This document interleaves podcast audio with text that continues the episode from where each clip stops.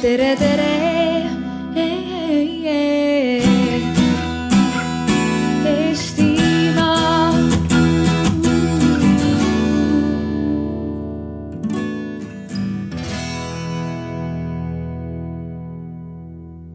Tere tulemast siis äh, meie digitarkusalale äh, töötuppa või sellise arutelutuppa, äh, mille nimi on siis küberruumi argipäev, sõimata ja peksa saab iga nurga peal et äh, kell kaks oli siin üks teine arutelu ja siis me saime teada, et äh, Eesti ongi selline tore koht, kus internetis äh, saabki peksa ja tänu sellele meil on vähem viiruseid ja pahalasi.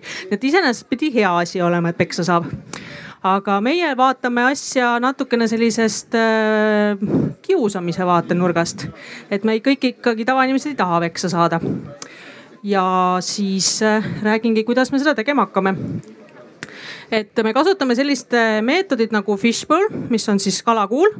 ja teie kõik siin ümberringi olete siis väiksed kalakesed, kes tahate kõik siia ringi saada, et rääkida kaasa. sest ainult ringis saab rääkida, siin on mikrofonid ja need mikrofonid äh, siit lauast ei lahku. meil on üks vaba tool nii et kui sa tahad, sa võid juba kohe siia joosta, selle tooli endale saada, siis me peame kohe ühe teise inimese siit ringist välja viskama. nii et selle ringi õnnetus ongi see, et, et kui keegi tuleb asemele, siis kohe üks inimene lahkub. ja kes jääb lauda paika alati, on siis äh, korda pidama, on siis Maarja veebikonstaabel. et, et tema siis äh, vaatab, et kui on ring ikkagi liiga täis, siis ta võib-olla viskab ise kellegi välja või siis mina panen käe õlale ja ütlen, et nüüd on äh, aeg korraks vaadata, mis ringist väljas toimub ja ringis äh, inimesed siis äh, saavad kommenteerida neid äh, lugusid või pealkirju või üksteist. Nad saavad ise oma lugusid jutustada kõige olulisem on loomulikult küsida siis küsimusi ja siis loota, et teised vastaksid sulle. ja, ja siis vastata siis küsimustele, mis on küsitud. ja saab ka ikkagi uusi lahendusi genereerida ja kõiki muid asju teha. et täpselt nagu see tavaline paneel igal pool, aga lihtsalt väiksemas ringis ja et rääkida saada, peate ise siia lauda jooksma nii, saame edasi ja alustamegi kõigepealt sellest, et äh, internetis toimub igasuguseid asju ja, ja hästi palju, mida sotsiaalmeedias arutatakse, selle katalüsaatoriks on tegelikult meedia ise, kes on siis erinevaid uudiseid teinud ja samal ajal, kus tema uudiseid saab, ikka jälle sealt kuskilt sotsiaalmeediast ja päris inimestest. ja esimene küsimus ongi, et kes siis, keda kiusatakse internetis? ja viskan palli teile. mikrofonid on Maarjal on olemas, teised saate kätte võtta. nii, palun. Ja teised ka, võtke ka. ja sulle ka. noh, džentelmen. et meil on äh, siin vihjeid antud. ja ehk et äh, ma vaatasin need peal, pealkiri ju, et äh, suhteliselt kiusliku pealkirja nimed on ju aga et äh, kui võtta nagu kiusu, siis, äh, siis ma arvan, on, ongi kahte vaadet, et äh, üks on selline teadlik kius inimestele, inimeste või noorte suunal, et kus siis keegi ütleb nimeliselt juba ründab või siis minu Facebooki või sotsiaal, muu sotsiaalmeedia kontol avaldab arvamust või siis oma, oma kontol ütleb minu kohta midagi otse onju. ja teine pool on siis äh, inimtüübid, mida ma siit nagu loen, ehk et äh, kas ma samastun või ei samastu, on ju, ehk et ja, ja ka siis ma tunnen ka ennast solvatuna sellepärast, ehk et see käib justkui ka minu kohta, sest et ma samastun nende inimestega, kelle kohta, kellest see on kirjutatud. et ma arvan, sellepärast võib nagu kaheks jagada see kiusamise. ma lisaksin siia juurde, et tegelikkuses on see varjatud kiusamine ka, mis ei toimu siis avalikult, vaid mõnel inimesel siis Messengeris näiteks või läbi Snapchati kuskil, kus äh, seda teised ei näe, kus näed ainult sina seda privaatselt. on sul olnud seda või? mul endal ei ole, aga ütleme nii, et ma olen kokku puutunud, et kedagi sõpra, sõpra on noritud või midagi. et äh, tavaliselt seda tehakse läbi Snapchati, nagu ma olen kuulnud, sellepärast et seal ei jää need alles, kui sa seda ise ei salvesta ja jah. kuidas siis peaks käituma, kui sa teada saad seda näiteks? Kuidas peaks käituma? ma soovitasin tal emaga rääkida ähm,. kindlasti, kui see asi ei ole nii hull enam, siis äh, seda saab ise lahendada. kui sa siis väljid inimest äh,, soovitad tal siis muutuda näiteks. tihtipeale see ei toimi muidugi, sellepärast et kiusaja stereotüüp on selline lihtsalt. aga variante on palju, ütleme nii nojah, ega kiusamisega tegelemine ei olegi selline, et äh, ühe nõuande asi, et tegelikult sellest äh, ühest asjast tavaliselt ei piisa, et seal on vaja selle kiusamisega ikka põhjalikumalt tegeleda aga ja, et põhimõtteliselt ma arvan, me vist jõudsime kõik ühele arusaamale, et, et on nagu selline sihitud kiusamine konkreetsete isikute suhtes ja siis on selline äh, inimgruppide kiusamine. noh, keegi valib kedagi nahavärvi tõttu või valib äh, tema, ma ei tea, poliitilise äh, eelistuse tõttu, mis iganes äh, tunnuse alusel ja siis on ka selline tegelikult ka selline, mina ütleks, et selline nagu üldises mõttes äh, nagu mõnitamine, et no näiteks äh, poisid kindlasti teavad erinevaid neid mängukeskkondi, kus on see, et äh, omavahel äh, mängitakse mänge ja siis keegi kedagi hakkab sõimama. me üksteist tegelikult ei tunne, ma tean ainult su kasutaja nime, aga ma kommenteerin sind halvustavalt, mõnitavalt. ma teen pärast Youtube'i video sellest, et sa mängus nagu sakid sajaga, eks ju, ja, ja, ja see on otseselt see, et ma tegelikult sind ei tea, ma tean ainult mingit sinu mingit, võib-olla lihtsalt seda kasutaja nime. aga, aga see võib tegelikult sulle väga haiget teha Äh, mida ma tahtsin äh, lisada, on siis see, et äh, peale selle klassifikatsiooni, et on nagu siis nagu konkreetse inimese ründamine ja siis nagu inimgruppide ründamine, siis samas on ka see, et on nagu teadmata nagu teadlik ründamine ja, ja siis on see, kes siis lihtsalt solvab, aga lihtsalt sellepärast, et ta ei teadnud seda, kuidas teine inimene sellest tunneb või siis vastupidi, ta solvaski selle nimel, et saada selle tõttu teistelt nagu nii-öelda aupaistet või no, et meil on ju, meil on Youtube erid, kes, kes koguvadki kuulsust sellega, et nad halvustavad teisi ja, ja, ja sellega nii-öelda püüavad kuidagi ennast äh, teistest paremana näidata see on iseenesest hästi huvitav, et äh, internet on ikka anonüümne keskkond. kui ma, minu keele või sõnakasutus on omapärane ja kui ma olen näost näkku sinuga räägin, siis ma näen kohe ära, kas sa solvusid, kas sul läks korda. aga mõnikord on tõesti ka, ongi niisugune tahtmatu solvamine või kiusamine, et äh, see ongi minu keel, aga keegi teine loeb sellest hoopis teistmoodi välja. tihti me näeme seda emailidega, et kui me kellelegi saadame, et üks mõte ma kirjutan ja pärast tuleb välja, teine luges hoopis teistsuguse nagu mõtte sealt välja noh tegelikult on olemas isegi selline, tehti uuring äh, noorte seas ja, ja noh, noored väga palju saadavad emotikone, eks ju. ja, ja seesama, et äh, üks seesama näo äh, nii-öelda emotikon võib tähendada tegelikult täiesti erinevaid asju. et võib-olla ma kasutasin seda, seda nägu sellepärast, et ma midagi mõtlesin näiteks sarkastiliselt, mis tähendab seda, et ma tegelikult nii-öelda noh, see see, see ühesõnaga, et inimesed loevad neid erinevalt ja, ja ei ole ühest arusaami sellest, et äh, milline nägu kindlalt, puhtalt kujul ainult ühte emotsiooni väljendab. olete nõus sellega? sa tahtsid midagi öelda? tahtsin sellest rääkida, et tihtipeale need küberkiused on, need nagu tavalises elus ei julgegi väga midagi teha. näiteks kui sa käid temaga ühes klassis, siis äh, Messengeris, kus iganes on ilgelt kõvad, räägivad, teevad, onju. aga samas, kui sa kooli lähed, siis ta põhimõtteliselt ei vaata sulle otsagi ja on täiesti vait nagu. ehk siis see on nagu, ta julgeb teha seda, mis on nagu virtuaalne, aga see, mis reaalsuses toimub, siis sellel teemal ta nagu viibib eemal siis sellest. no vot minuni on väga palju just jõudnud selliseid näiteid, kus ikkagi et ütleme, et koolis ka see kiusamine toimub ja siis see nii-öelda jätkub äh, internetis lihtsalt sellepärast, et noh, et, et, et inimene läheb ära koju ja läbi interneti on võimalik tema, temani jõuda. aga võib olla ka täiesti loomulikult puhtakujulist sellist, et, et ongi interneti kiusamine ja, ja võib-olla nad oma, võib-olla nad käivad erinevates koolides, nad ei puutugi, eks ju kokku, aga, aga ongi pommitamine läbi, läbi interneti. Äh, mis seal veel on üks huvitav asi on siis näiteks see, et noh koolides on alati olnud see, et sul on siis need sportlase tüüpi inimesed, kes kiusavad siis nohikuid, aga mul on miskipärast tunne, et praegult on need nohikud, kes hakkavad neid sportlasi tagasi kiusama, et et noh, internet on parem platvorm, siit nad teavad, otse midagi teha ei saa. Ei, see on hea näide. peaasi, et muidugi ei jää muljet, et kiusamine oleks okei. okay, ükskõik millise grupi poolt, eks ju, et, et, et tuleb üksteise suhtes olla arvestavam. ma tahtsin seda vahepeal küsida, et kas, mis, kuidas me üldse saame aru, et, et kiusatakse? et tihti on näiteks niimoodi, et ühekordselt mingisugune asi juhtub ja seda kohe õpetajad tituleerivad koolis kiusamiseks, aga tegelikult, kas see nii on? tegelikult nagu siin ennem öeldi, siis äh, inimesed võtavad kiusamist erinevalt äh,. Osa inimese jaoks, osade inimeste jaoks on siis äh, võib-olla aus ütlemine siis, kui sa näiteks, okei okay,, kuidas ma ütlen seda, näiteks kui sa annad tagasisidet inimese käitumise kohta, siis ta võib solvuda, et äh, miks sa ütlesid niimoodi. sa ei tarvitse üldse talle nagu halvasti öelda, vaid sa annad lihtsalt nagu konstruktiivset kriitikat põhimõtteliselt siis äh,. okei okay,, ma ei tea, kui palju seda tänapäeval tehakse, aga okei okay,, igatahes äh,. sellega näiteks solvuda või siis äh, pidada seda kiusamiseks.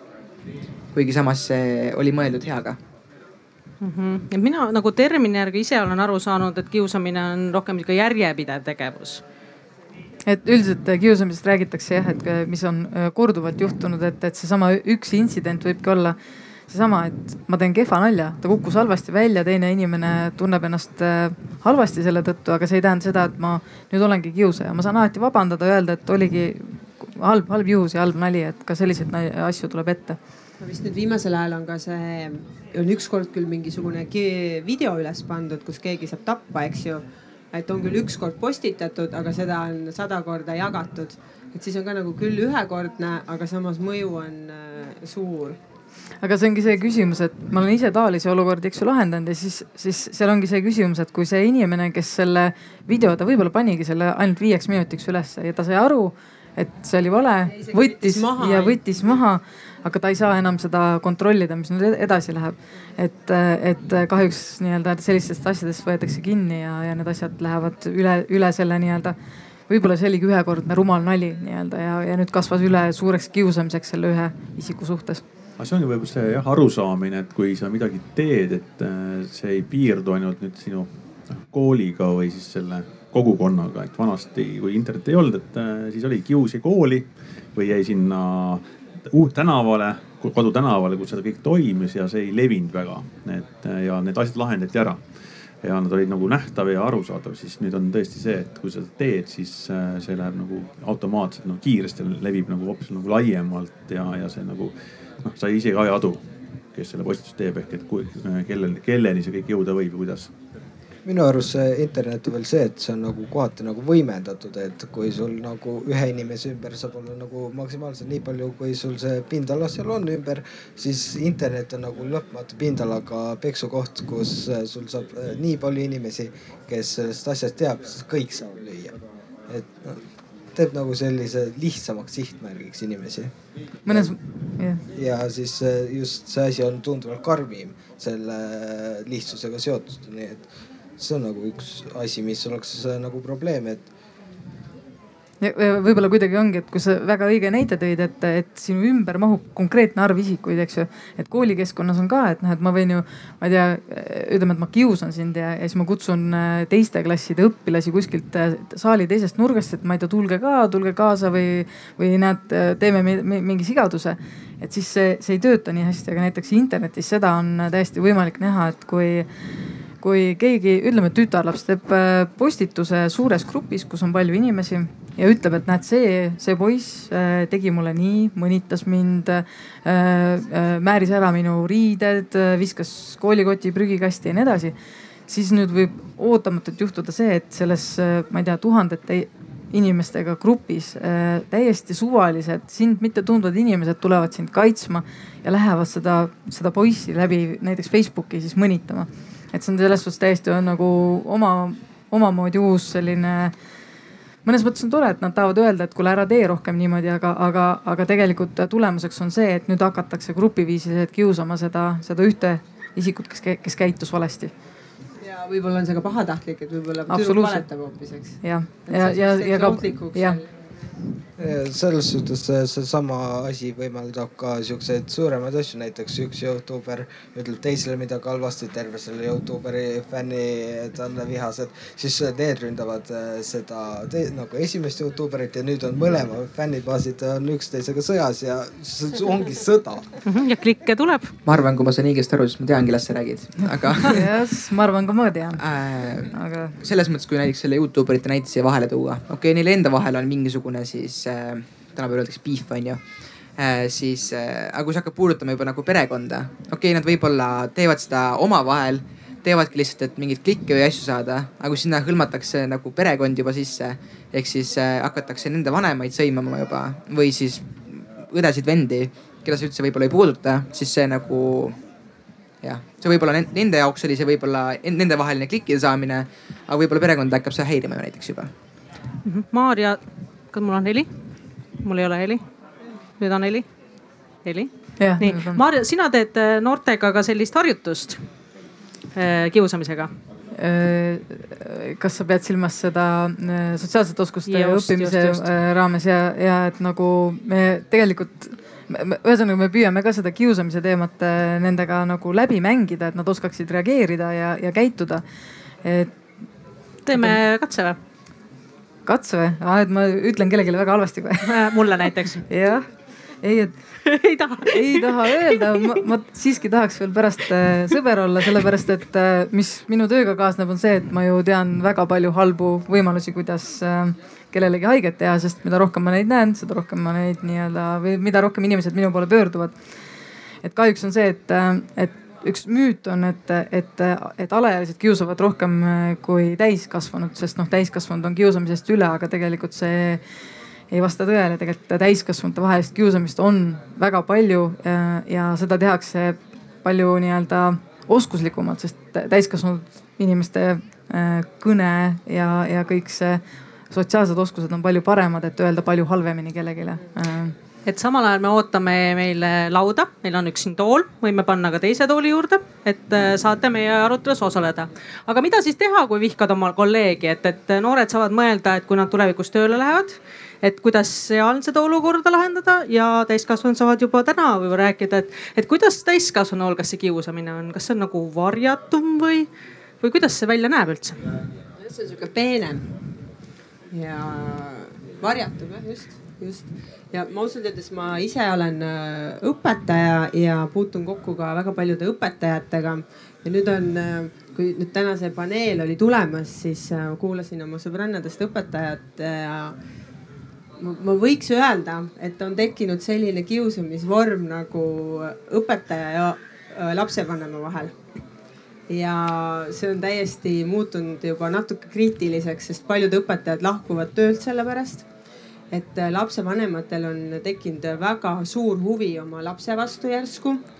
et ma ei tea, võib-olla tal kodus ei ole aega küsida lapse käest, et siis tal on vaja nagu saada kolm A4 õpetaja käest seda detailset infot, mis tunnis toimus ja, ja see, ja see huvi muutub juba haiglaseks natukene ja vot sealt ma juba loen ka mingeid kiusamise märke täitsa välja.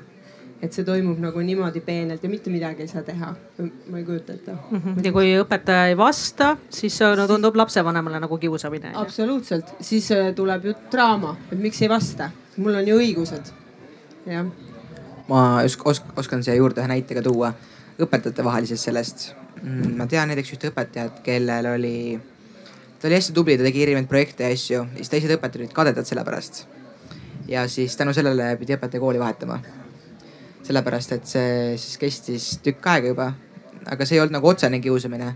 see oligi nagu, ma ei ole täpselt kursis sellega, aga lihtsalt ma tean nagu üleüldiselt seda teemat ehk siis seal oligi see, et kui ühel inimesel, kahel inimesel, kolmel inimesel läheb liiga hästi, teistele õpetajatele see ei meeldi, siis paraku see nii on. siis tuleb midagi ette võtta, eks ju. sama asja võib öelda ka interneti kohta, kui sa näed seda, et keegi, hakkab juba internetis eh, noh edukaks saama, siis sa näedki seda, kuidas inimesed hakkavad tegema kõike selleks, et seda edu siis takistada või siis just tagasi hoida et eh, just Youtube erite näitega võib tuua, et on eh, näiteid küll, kus inimeste populaarsus on siis nagu ohu all ja siis saadetakse fännibaasid ründama, et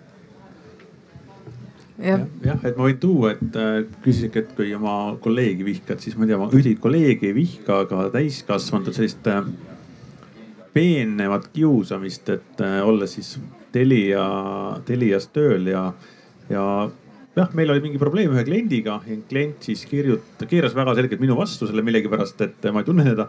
aga ehk, et ta saatis siis niisuguse pretensiooni või kurja kirja, aga väga isiklikus ja ründavas toonis. Aga see peensus oli see ehk, et kuidas ta tegi, oli see, et ta pani siis koopiareale kõik meie, kõikvõimalikud üldmeili aadressid, noh, mis jõuavad väga paljude inimesteni et, et ja, ja see, see, see kordus, see mudel nagu pidevalt, et kui küll vastati korralikult, viisakalt talle, siis ta nagu absoluutselt nagu alati pani nagu personaalselt mulle ja kõik, kes, mis vähegi ta internetis leidis, meie aadressi need sinna juurde veel nagu. et ja see on see peensus, kuidas täiskasvanud teevad ka isegi mitte internetis, vaid hoopis nagu teistpidi noh. aga kuidas sellega tegeleda tegelikult, et kuidas sellest, sellest nüüd jagu saada? ega ma ütlen, mina, minu enda seisukoht on, et inimesed noh, üks on tõesti, et kui oleks läinud väga nagu ründavaks ja isiklikuks või perevaatest, et noh, ma no, saan erinevaid meile ja erinevaid tonaalsusi iga päev. et siis tol hetkel oli tõesti, me jäime nagu viisakaks, lugupidavaks ja lihtsalt üks hetk lõpetasime ühepoolselt nagu omapoolse ettepanekuga, ütlesime, siit on see, meie vaatest on see case closed siit ja rohkem eh, noh, edasi nagu asi ei liikunud, et see on, sa ei tohi kaasa minna. see oli see kiusatus, mida paljud ka töökaaslased ütlesidki, et noh, lähme kaasa onju, hakkame argumenteerima, ütlesin, et see on nagu inimtüüp on selline ehk, et tema tahab nagu viimaseks jääda. las ta jääb viimaseks mm. -hmm. mõnel inimesel on, võib paha päev ka olla siis hakata sealt igast tulema, kasvõi autojuuroolis samamoodi. On halb päev, lased signaali, karjud, mida iganes.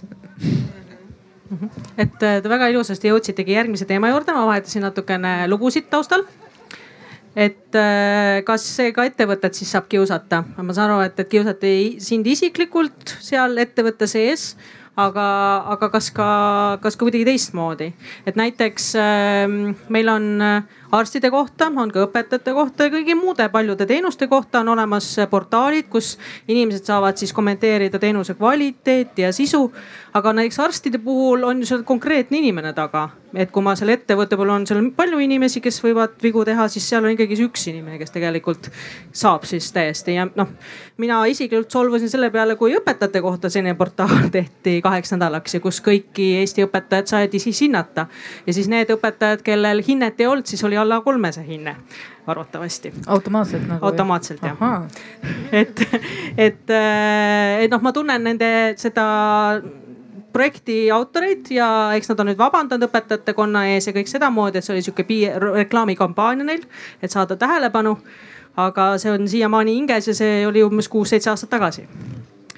et kas ka ettevõtteid tegelikult veel kuidagi kiusatakse internetis? Mina olen tegelenud korduvalt selliste äh, teemadega, kus näiteks on äh, ettevõtte Facebooki lehele tehtud äh, kommentaar, mis on halvustav või toodet kritiseeriv nagu väga halvas mõttes. ja, ja see isik ise tegelikult pole kunagi ühtegi teenust ostnud või seda eset ostnud või selle firmaga isegi mitte kokku puutunud ja, ja noh, nii-öelda ettevõte on püüdnud inimesega ühendust võtta, et noh, et selgitada, et äkki tõesti, kui me oleme eksinud või midagi, et ma, me parandaksime ju selle, selle eksimuse ära, aga, aga tehakse lihtsalt pahatahtlikke.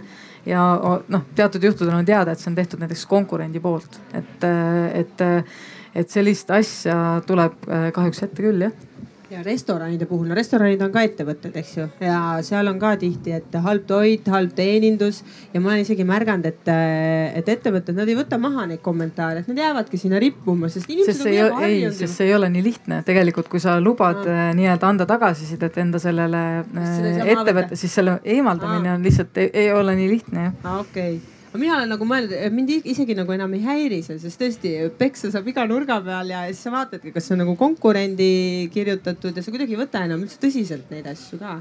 et see tõsidusaste on ka kuidagi vähenenud et võib-olla ka see kiusamine kuidagi mingi hetk nagu muutub, ma ei tea, mitte normaalsuseks, aga kuidagi see on nagu nii. aktsepteeritavaks.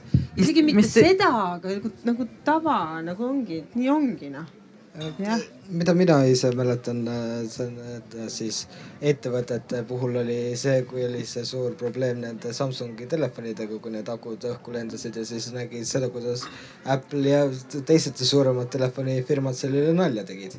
et no kas seda nüüd päris kiusamiseks saab pidada, aga no sa näed seda, kui noh, nad proovisid edu saada sellest, äh, see konkurendi vigadest tihtipeale need hinnangud, mis näiteks kasvõi Facebookis antakse nende tärnide kohta, sinna ei panda tavaliselt kommentaare juurde, lihtsalt see viiepallisüsteemis. sulle kasvõi näiteks ei meeldinud see, et uksematti näiteks on ju. Neid äh, hinnanguid ei saa väga tõeks pidada praegu, sest neid pannaksegi emotsiooni põhjal äh,. kui sul on halb päev, läheb halb see ja kui neid äh, hinnanguid, osadel on palju, osadel on vähe nagu. kui seal ongi ainult viis inimest näiteks hinnangu andnud üks neist on äh, pannud ühe tärni, teised kaks on viis ja seal teised ülejäänud kuskil vahepeal, siis see ilmselgelt ei ole väga adekvaatne. ma tean, mul endal on küll see, et äh, kui midagi ei hinda, siis alati on kas üks või viis, et ei ole seal vahepeal väga mm.. kas koolis peaks ka nii panema? alati üks või viis? ei peaks. kellelegi ei meeldiks see varatasti ei, paneme ainult viis äh, Te,. tegelikult on üks teadusuuring ka tehtud ja on just töökeskkonnas kiusamise kohta tehtud. Ja sealt tuli siis selline asi välja, et üks ettevõtte boss oli siis valinud ühe töötaja, kellele ta ütles alati, et sina pead pool tundi hiljem ära minema, siis oli buss juba lahkunud ja sina pidid sedamoodi tegema ja teistmoodi tegema, et ühesõnaga üks inimene oli see, keda kogu aeg boss kiusas. ja siis hakkasid teised ka teda kiusama, sest oli nagu täiesti normaalne, et, et üks inimene saab kogu aeg nagu kõik pahandused enda kaela, kõik sedamoodi. aga kogu ettevõte arenes väga hästi, sest kõik teised olid kogu aeg head ja, ja kui see üks inimene siis lõpuks äh, noh, oli nii haige, et läks psühholoogi juurde, ta ei suutnud enam tööd teha, läks selle ettevõttest minema. siis ettevõtte tulemused hakkasid kohe langema, sest nüüd hakati uut inimest otsima, keda siis kiusata või siis ei olnud nagu kedagi valida, et, et ettevõttel oli pärast palju probleeme selle pärast. et äh, kas ettevõtete ja nii töötajatega või sedamoodi on samamoodi, et kui ühel läheb halvasti, siis kõik teised seal ajavad nalja onju ja nendel läheb natuke paremini. et kas, kas, kas on tihti ka kiusamine ka selle pärast? Mis te olete nagu näinud, et, et miks alati öeldakse, et igas klassis on mingi cheerleader ja mingi klassitola ja nii edasi. alati see kolmeline, et, et alati nagu me sildistame nagu inimesi ja ettevõtteid ja siis nad kunagi ei saagi paremaks. Äh, sellepärast, et äh, neil on see märk üles ma ei tea, kas on inimloomuses ehk, et on alati otsitakse äärmust, et, et endast erinevat ja, ja siis seda, mida sa enda juures ei meeldi, et sa siis kellegi teise juures nagu näidata. aga ma arvan tõesti tuua selle ettevõtte vaate siia juurde, et siis nii nagu ma arvan koolis, et äh, sõltub klassis, klassijuhatusest, kultuurist, õhkkonnast, see, kuidas äh, on äh, see klass koos toimima hakanud, kuidas on see ettevõte, siis töötajad koos toimima hakanud, et see, see on hästi palju selles kinni ikkagi, et ähm, ka selles samas ettevõtte juhis, et millist ettevõtet ta soovib. kuidas need tulemused tulevad, et kas tuleb läbi selle, et ühte kiusatakse, siis ülejäänud nagu on hästi nagu änksu täis on ju tänu sellele, et, äh, et vaevalt nagu klassijuhataja seda koolis soovib, et äh, üks on selline kaheline, kolmeline, keda siis kiusatakse, aga tänu sellele, et teistel on viied. et vaevalt, et ähm, ma arvan, see on täiesti paralleel, vahet ei ole, kui vana sa oled, on see kool, on see töö, on see ettevõte. noh, see on hästi palju siis nagu sisemises kultuuris ja kas märgatakse ja kas reageeritakse. kas klassijuhataja märkab, kas ettevõtte juht või omanik märkab ja kui ta seda märgata ei taha siis paratamatult äh, inimene jällegi kopeerib või siis, et noh, ahah, kui õpetaja või juht ei tolereerib sellist suhtumist, siis on ju okei okay. ja ma saan ka oma emotsiooni välja elada, onju et ma arvan ja, et siin on väga palju ikka kinni selles äh, väärtushinnangutes, et kui ettevõte peab oluliseks seda, et kõikidel on äh, tööl hea töötada, siis nad peavad selle nimel ka vaeva nägema.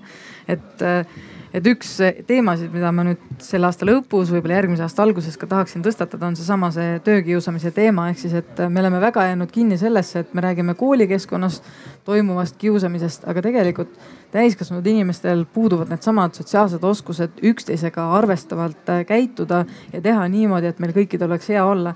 ja, ja seega peaks tegelema ka sellise nii-öelda et kui Kiva on siis, äh, mis on kiusamisvastane, eks ju, kooliprogramm, me peame tegema Kiva, äh, mis on mõeldud äridele, et, et kuidas nüüd tegeleda sellega, et ettevõttes neid asju äh, maandada. sest võib-olla tõesti need ideaalsed sellised väikesed startup'id, kus inimesed on suure motivatsiooni, hea tunde ja power'iga lähevad peale, seal on suhted omavahel on head, eks ju. ja, ja sellist kiusamist tõenäoliselt ei tule, aga kui me räägime ikkagi võib-olla organisatsioonidest, kus ongi väga selged juhtimisliinid ja on inimesed, kes äh, jah, kus on palju inimesi koos, siis tekib alati äh, oht, et võib tekkida arusaamatusi ja, ja ettevõte peab oskama sellega toime tulla. Äh, mida ma arvan, on see, et näiteks Kiva projektid ja need on natuke minu arust nagu läbi kukkunud ette ära, sellepärast et ma olen liiga palju näinud seda, et kuigi meie koolis on see probleem, noh, see programm täiesti olemas, on meil kiusamine täpselt samasugune probleem, nagu see oli enne. sa ei näe seda rohkem, sa ei näe seda vähem. et nagu ta nagu ja me teame, mida me tegema peaksime, aga kas inimesi huvitab see asi, et mida nad tegema peaksid? no inimesed selles osas on minu arust äh, siuksed abitud loomad ka selles osas, et kuigi me peaksime äh, nagu kõikidega hästi läbi saama, siis on alati keegi, kes äh, tahab kiusata ja alati keegi, kes teeb seda ja teda ei huvita see, kas sellele süsteemile meeldib see või ei, et noh no ütleme niimoodi, et süsteemile ei meeldi ka vargad, aga noh, meil on vargad ikka. et no ega seda olukorda teha, et kun-, et oleks ideaalne kool, kus ei ole üldse kiusamist, kindlasti ei olegi, aga ma arvan, et see Kiva eesmärk on ka see, et üldse teadvustada inimestele, et mis asi see kiusamine on ja, ja sealt edasi minna, et märgatagi rohkem ja tuuagi seda äh, välja. Et äh, jah, ja, ja seda öelda, et nagu alati leidub inimesi, tegelikult ma lihtsalt eel, eelnevalt ühes aruteluboksis, kus tegelikult väga hästi terapeut ütles välja, et, et äh, halvasti käitubki see laps, kes tunneb ennast halvasti ehk siis, et tihtipeale see ikkagi vastab tõele, et, et kui, kui sul endal on kõik korras ja kui sul on kõik hästi, sa tunned ennast turvaliselt äh, selles klassikeskkonnas ja koolikeskkonnas, siis sul ei tule seda halba mõtet, et ma nüüd jalaga virutan kellelegi, eks ju, äh, ma ei tea, kõhtu. et, et, et nendele asjadele tuleb anda aega ja nende asjadele tuleb rohkem mõelda ja, ja seda eesmärki võib-olla, ma ei tea, kaua teil see Kiva on olnud koolis mitu aastat? isegi ei mäleta, aga see oli suht selle projekti algus. et et no siis ongi, et meil on vaja lihtsalt neid asju, sest ega väärtushinnangute ümbermõtlemine või selle inimeste ka sotsiaalsete oskuste omandamine võtab kõik aega, et. et kurb on kuulda, et seda kiusamist ikka veel jätkuvalt on, aga ma usun, et kindlasti on nüüd neid lapsi, kes näevad, et, et see kiusamine toimub ja neil on ka olemas teadmine, mida tegelikult nad peaksid ja saaksid teha Äh, lihtsalt tulebki julgustada neid veel enam, et veel rohkem. samas ma arvan, et see aitab kaasa ka neid, keda kiusatakse, et ka nemad teavad, mida teha nüüd ja nad saavad aru sellest, et need, nendel on võimalus midagi teha, et nad ei lähe hüppa aknast alla näiteks, eks, et, et neil on võimalus abi küsida. ja, ja ma arvan, et kui sa, kui sa paralleeli tõid sellega, et Kiva on koolidesse, et ka tuua nüüd järgmine aasta nagu ettevõtte tasemel, et, et äh, ega selle eesmärk, see programm iseenesest ei paranda midagi vaid et äh, see õpetab ju märkama, teadvustama ja see teema on ebamugav inimloomusele, sest sa pead hakkama tegelema ebamugava asjaga, kahe inimese vahelise suhtega et äh, põhimõtteliselt inimene esimene reaktsioon on see, et ma tunnen ennast kohtunikuna järsku mm, -hmm. et ma mhm. astun sinna kahe vahele, ma võtan nüüd kohtuniku nagu rolli ja põhimõtteliselt minu otsust hakkab sõltuma kellegi inimese nagu saatus kas ta nagu jätkab ei jätka ja nii edasi. ja seda inimesed ei taha oma loomuses ju ja, ja see on see koht, kus, miks seda on vaja teadvustada, toetada, õpetada ehk et see on olemas ja just see tõesti see, et me oleme rääkinud palju kiusamisest koolides, et äh, ka nii nagu siin eelnev diskussioon siin telgis oli, et äh, et küberkiusamine, kõik räägivad sellest, et äh, küber, küber siis turvalisuse raamatud peavad lugema vanaemad aga kui palju me tegelikult ise teame? Ja ma arvan, sama asi on ka kiusamisega, et, et kui palju me tegelikult ise teame, me arvame, et meil on hästi ja nemad seal. Peaks tegelema asjadega. aga see on ka see, et me teame, aga see automaatselt ei tähenda seda, et me tegelikult järgime oma teadmisi, ehk siis, et kõige lihtsam näide liikluses, kõik me teame, et ei tohi kiirust ületada, aga ikkagi neid kiiruse ületamisi on meil liialt palju, eks ju, ma ei tea Äh, üldse käitumine, ma ei tea, liikluses agressiivselt või see mobiili näppimine äh, roolis, et, et, et see teadmine on olemas. me teame, mis on tagajärjed, me teame, teame kõike seda, aga ometi me ei käitu niimoodi. et sama on ka see, et, et me saame need oskused ja asjad kätte, et meil on vaja nüüd endal leida üles see motivatsioon ja, ja, ja tahe päriselt muuta ja päriselt hakata seda olukorda äh, töökeskkonnas või koolikeskkonnas siis paremaks ja turvalisemaks ja kõikidele sobivamaks äh, muutma mm -hmm.. tihtipeale inimesed teavad, mida nagu teha, aga see asi, et sihuke asi toimus, tuleb, äh, kiusamine kasvõi, mis toimus vahetunnis, klassis, mida iganes, tuleb välja, jõuab õige inimeseni alles siis, kui see asi on toimunud juba. mitte sel ajal, kui see toimus. see, okei okay,, see aeg võib-olla ei ole mingi kaks päeva, aga ikkagi, kui see asi jõuab alles, ütleme klassijuhatajani näiteks mingisugune neli-viis tundi hiljem, siis see asi on ilmselgelt juba ammu toimunud ja siis see info on siis vananenud, ütleme niimoodi. ja, aga tegelikult ega see nii-öelda noh, mis e, ütleme, et äh, ka siis, kui see õpetaja satuks sellele kaklusele näiteks peale, ega see ei tähenda seda, et ta nüüd tegelikult tegeleks selle asjaga te teistmoodi, sest põhimõtteliselt ta peab ikkagi äh, võtma selleks eraldi aja ja sellega pikemalt tegelema. see, et ta võib-olla jõudis ära hoida kolm äh, jalahoopi, ei tähenda seda, et nüüd äh, kahju oleks väiksem, eks ju. et, et ka siis, kui sellest, see asi tuleb hiljem välja, me peame võtma selleks aja, me peame kasutama selleks erinevaid meetodeid, et äh, tegeleda olukorraga, et see enam ei korduks poisid tahavadki öelda see, et see metoodika lihtsalt on vale, mitte need, mitte need sammud ei ole valed, et kas üldse peab koolis tegema, rääkima sellest kiusamisest, me nagu kop.... selles suhtes. väsinud sellest juba natukene ma ise ütlen seda, et viimane kord, kui mina ise koolis siis äh, kiusamist nägin, oli see, kuidas ma ütlesin ausalt, et ma ei tea, mida ma tegema peaksin. Sest ühelt poolt äh, üks poiss tegi teise poisi suhtes rassistliku äh, siis solvangu ja te, teiselt poolt oli siis see, et see, kelle poole rassistlikku solvang tehti, see andis sellele teisele poisile peksa selle eest. nii et sa, sa ei tea, kumma, mida sa nüüd tegema peaksid, sest sa saad aru seda, et mõlemal poolel, mõlemad pooled käitusid valesti. aga kui sa nüüd läheksid vahele sellel hetkel ja sa ei toonud seda välja nagu enne seda, sest sa ei kuulnud seda nii väga siis äh, sa ei saagi lihtsalt öelda, et see juba ühele poolele tundub see nagu kiusamisena. just see hetk, et see läheb valel ajal vahele ja ainult üks saaks sellisel juhul karistada, teine pääseks siis põhimõtteliselt karistuseta. nojah, aga füüsiline karistamine ikkagi ei ole see, mida me oma ühiskonnalt ootame, et, et ma saan aru, et on hea mõelda, et, et sinu halvale sõnale sai nüüd karistuseks see, et keegi andis sulle äh, rusikaga näkku, aga tegelikult ideaalmaailmas me ei taha olukordi niimoodi äh, lahendada ju. ja, aga samas äh, sa ei saa kunagi oma emotsioone kontrollida, kui sul siuksed asjad püsivalt on. sa lihtsalt ei kannata, inim-, inimene ei kannata seda lihtsalt välja ja ta peab tegema midagi, et pääseda. ka see on nende jaoks mingisugunegi pääsetee see on tõsi, et me ei saa emotsioone kontrollida ja emotsioonid ei olegi valed. ma, ma loomulikult, ma võingi solvuda, ma võin saada väga pahaseks ja kurjaks, aga me saame oma käitumist kontrollida, et tegelikult ma ju tean, et seesama löök näkku ei ole nüüd see õige lahendus. tihtipeale on see, et äh, õpilastele räägitakse sellest kivast, aga jäetakse ära see õpetajate pool. Äh, ma arvan, et paljud õpetajad saavad ka läbi selle kiva projekti mingisugust äh, oskusi, teadmisi, kuidas käituda mingil olukorral.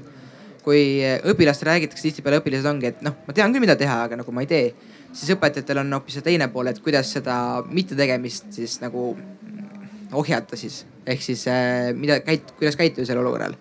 sest ma julgen öelda küll, et peale seda Kiva projekti algatamist õpetajad on palju teadlikumad sellel teemal äh,. kuidas mingit asja lahendada, kelle poole pöörduda ja nii edasi põhimõtteliselt jah, ja ma arvan, et äh, siin on see hästi oluline pool, mis me enne rääkisime, et äh, kiusamine on järjepidev ja just see vahe tegemine, et kas rassistlik äh, ütlus oli nüüd ühekordne ja seal tuli nagu emotsionaalne vastulöök onju või on tegelikult oli juba pikemat, on pikem niisugune teema seal taustal, et äh, eks need ongi erinevad reageeringud onju ja kuidas tegelema pead, et kui on ikka pikaaegsemad, siis pead nägema ja võtma, et, äh, et tõesti tihti võib-olla inimlikul on see inimloomus paralleel öeldakse, et äh, kutsikat õpetada on see, et kui teeb loigu, siis pane kohe nina, nina, nina nagu sisse, kui hiljem paned, siis enam ei saa aru, onju. et noh, seda nagu peegeldada nüüd inimsuhetesse ei tohiks, et, et kui, kui kohe ei reageeri, siis nagunii midagi enam teha ei saa, ehk et enam ta ei õpi, et noh, inimene on ikkagi selles mõttes targem, ehk et aga see on järjepidevus tõesti. sest et inimene on oma harjumuste ori jälle teiselt poolt. ma olen harjunud kuidagi käituma, see on mul sees, enne kui ma selle teadvustan, seda hakkan teadlikult käituma, et ennast välja, seda välja juurida. see algabki sellest, et äh, ma arvan, et see on, see võib olla kodu see pool ka nagu, kui laps näiteks on väiksena kaua väljas näiteks, suhtleb erinevat tüüpi inimestega. ema ei ole teadlik sellest, mis seal toimub, siis kui ta väiksena hakkab juba mingit kindlat mustrit nii-öelda jälgima, siis pärast seda on raske lahti saada sest nagu samamoodi need, kes nagu varastavad, näiteks satuvad vangi pärast sellepärast, nad siis nagu elavadki seal vanglas sellepärast, et neile see keskkond on neile koduseks saanud. mitte ei ole enam see, et nad lähevad seda nagu karistust kandma. No mina olen ka siinsamas toonud sedasama näidet, et, et kui noored kuulavad järjepidevalt ainult neid Youtube ereid, kelle iga teine sõna on ropp, äh, kelle iga kolmas lause on mõeldud kellegi konkreetse isiku solvamiseks. Äh, olgugi, et ta mõtleb seda poolnaljaga või olgugi, et tõesti on tuttav Youtuber ja ta teab, et ta ei solvu väga. aga kui ma päevast päeva kuulan ainult selliseid, selliseid tekste ja selliseid videosid, siis lõpptulemus on see, et äh, see muutub minu jaoks mõnes mõttes normaalsuseks. ehk siis ma, minu enda kõnesse võib tulla neid roppusi. ma ei pane enam seda tähele, kui teised neid roppusi kasutavad ja, ja mina ütleks, et see on selles suhtes, et nagu pigem ohtlik, et seesama, et ärme lase, ärme laseme asjadel kujuneda selliseks tavaks. et seesama on koolikiusamisega ka, et kui sa, kui sa lasedki kogu aeg kellelegi öelda kellelegi halvasti, siis noh, siis hakkad teised ka ütlema või, või, või liituvad teised sellesama teemaga, et see on päris kurb. mul on tunne, et äh, Muhamed peab ikka siis mäe juurde minema mitte vägi Muhamedi juurde. kas keegi tahab? ma võin tuua mikrofoni. tahate liituda meie aruteluga? naeratavad veel, naeratavad, kuulavad, naudivad head pehmeid toole, mis on Telia siia toonud. nii, ma panin vahepeal meile veel natuke uusi lugusid ja, ja nende lugude taustal ongi seesama asi, et vahel tilgub see vesi sinna kivisse päris kaua ehk siis äh, hästi palju kiusamist toimub sellise piltidega ja alguses, kui neid pilte kuskil jagatakse või, või, või perekonnas äh, näiteks isa teeb pildi, noh, perekond on lahku läinud, eks ole, isa teeb pildid, ema teeb pildid, alguses ei ole nagu probleemi ja ühel hetkel hakkab sellest mingi jama pihta. ma arvan, sul on üks lugu selle kohta äh, ma vihjan seda lugu, kus siis vanemad ka passidega natuke mängisid. aa, et meil oli tõesti, kus üks vanem tuli migratsiooniametis, meie migratsiooniametniku juurde, ütles, et äh, pass kadus ära lapsel, teeme uue passi, tehti uus pass. nii, läks kaks nädalat mööda, tuleb e-, teine lapsevanem äh, sama lapsega, ütleb, et pass kadus ära, telliti uus äh,, uus pass, nii. Saadi pass kätte, eks ju, läks jälle natuke aega mööda, tulid lapse, see esimene lapsevanem uuesti sellesama lapsega, ütles, et no pass kadus ära. ja, ja, ja noh, küsimus oli hoopis selles, et kelle käes on võim, et passi ja last näiteks siis noh, peab passi enda käes hoida ja samal ajal nad siis olid ka pilte internetti pannud ja siis kaebasid, et ühel kuul kaebab siis ema, et, et mingid pildid on isal Instagramis, millal pole luba küsitud. ja teisel ja. kuul on siis Facebook ja, ja, ja vastupidi, eks ja ainsaks lahenduseks ongi see, et ega nad peavad minema kohtusse ja, ja oma nii-öelda piirid paika panema, et kes võib jagada ja kes ei või jagada. aga no jube kurb on, kui lapsed jäävad sellisesse risttulesse ma ei tea, ma ütlen nagu ise lapsena, et äh, kohati on äh, minu jaoks juba kiusamine see, kui äh, näiteks on mingi väli, pereüritusel tehtud pildid ja siis mingi väga sihuke ebameeldiv pilt sinust ja see jäetakse internetti üles ja sa ütled küll, et nagu võta ära, võta ära, et noh, et see ei ole nagu normaalne, aga siis öelda, ei pole viga, ülejäänud on ka siuksed imeliku näoga, et. sa olid ju nii nunnu näoga, eks ole. just midagi sellist. et tegelikult ongi, et kõiki õigusi tuleks ikkagi austada ja, ja kui mina soovin, et see eemaldatakse, siis see eemaldatakse minu arust ma lugesin ühte kohtuotsust äh, Saksamaalt, kus äh, kas kolmeteistaastane tüdruk kaebas oma lapsevanemate peale samamoodi piltide jagamise pärast ja ta sai, jäi kohtus nii-öelda õigeks ka veel, et äh, vanemad said karistada. et, et, et see õigus mingeid kellegi teise kohta asju jagada, et, et see ongi see, et mida mina pean naljakaks, noh teine ei pea ja, ja sellepärast peabki olema seesama õigus jagada olema küsitud enne, kui sa jagama hakkad, mitte, mitte pärast klaarida.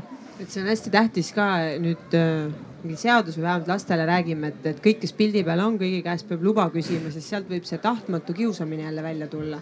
et tegelikult ta võib-olla ei märkagi, et tal on keegi taustal aga ta lihtsalt on seal taustal mingi lolli näoga ja siis ta arvab, et see on kiusamise pärast üles pandud, aga tegelikult võib-olla ei olegi, eks ju aga väga palju, oih, vabandust. Eh, tihtipeale nüüd tänapäeval on need, et sünnipäevaks pannakse sõprade vahel pilte vaata, ehk siis mingeid videoid, mida iganes.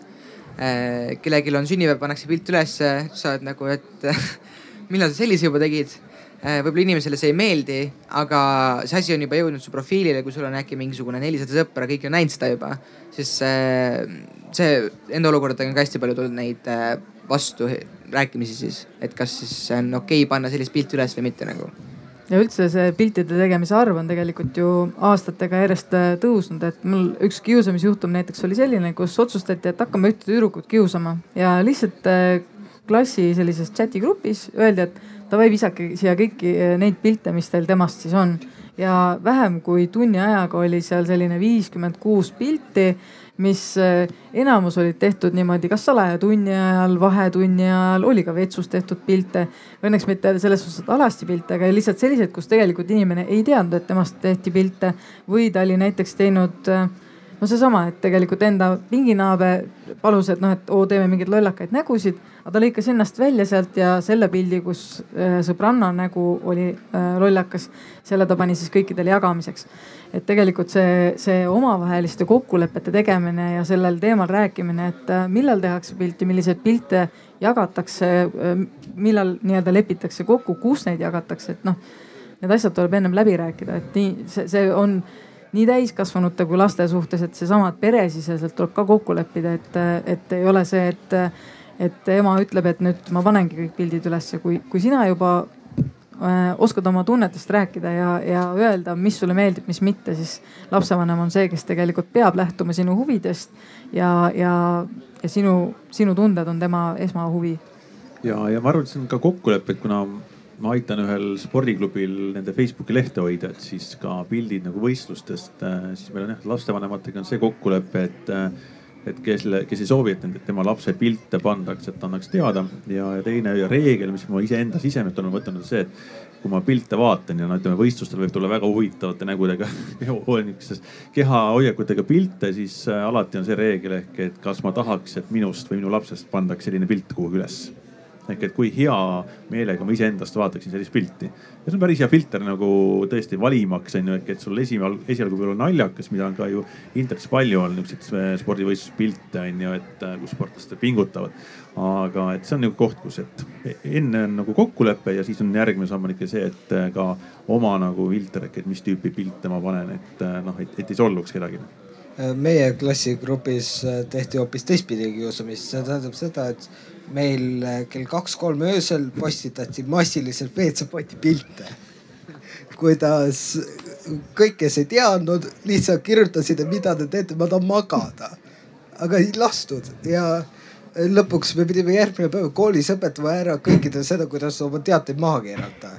et iseenesest õpetlik tund, aga no samas väga palju tunnis sai segada. ööseks võiks üldse telefoni välja lülitada tegelikult kes lülitab selles suhtes? see on nõme, kes lülitab, sest vaata ei saanud viimast potipilti kätte ju aga nende piltidega, ega ongi, et äh, võib-olla murekoht on siin täpselt, äh, kui me räägime näiteks teismelistest, siis äh, ükskõik kelle käest ma küsin, et noh, et, et mis te arvate, kas alasti piltide jagamine on nagu okei okay,, et, et saadad lihtsalt, ma ei tea, oma kõige paremale sõbrale või pruudile või peigmehele endast alasti pildi, siis kõik ütlevad, et ei noh, jah, et, et tegelikult nagu vist ikkagi ei peaks või nii edasi.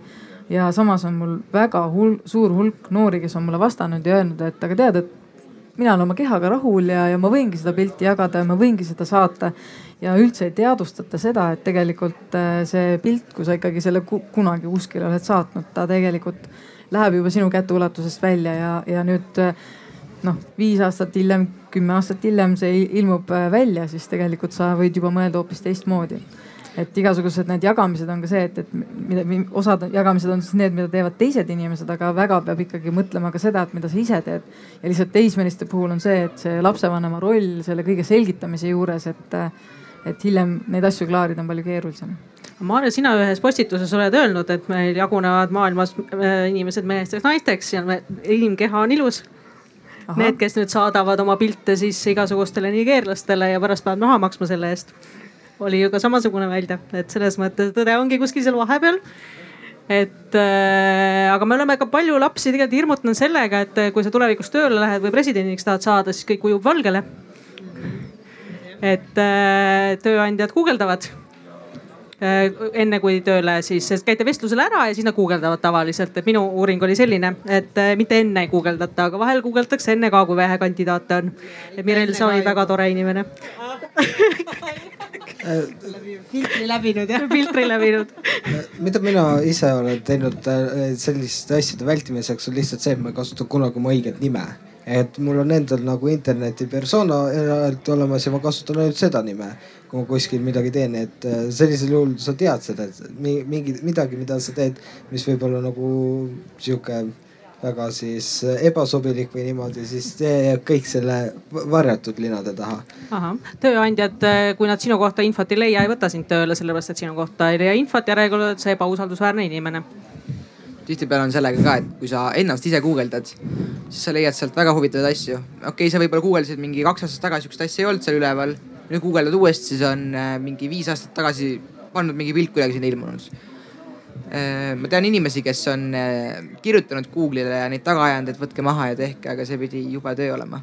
aga see on selles suhtes, et on võimalik see tulemus saavutada küll, aga see võtab kõik aega, et näiteks mina olen tegelenud nende inimestega, kes tahavad tulla politseisse õppima ja kirjutavad mulle, et et näed, et mul on noh, kunagi panin, ma ei tea, reiti väga kahtlase väärtusega pilte või, või et umbes, et kuskil on üleval mingid vestlused kus ma võib-olla noh ei, räägi kõige viisakamalt ja ei, ei käitu kõige viisakamalt ja et noh, et, et kuidas nüüd neid saaks nagu maha võtta või niimoodi, et et tihtipeale nad esiteks küsivad liiga hilja, et kui sa lähed järgmisel päeval politseisse vestlusesse ves, vestlema nii-öelda, soovid kooli saada, eks ju, sa pead läbima selleks vestluse, siis noh need asjad kiiresti maha ei, ei, ei võeta Äh, ma saan neid õpetada, ma saan neid juhendada, aga minu põhisõnum on ikkagi ka see, et noh, et, et äh, esiteks muidugi mõtle enne, kui sa midagi paned.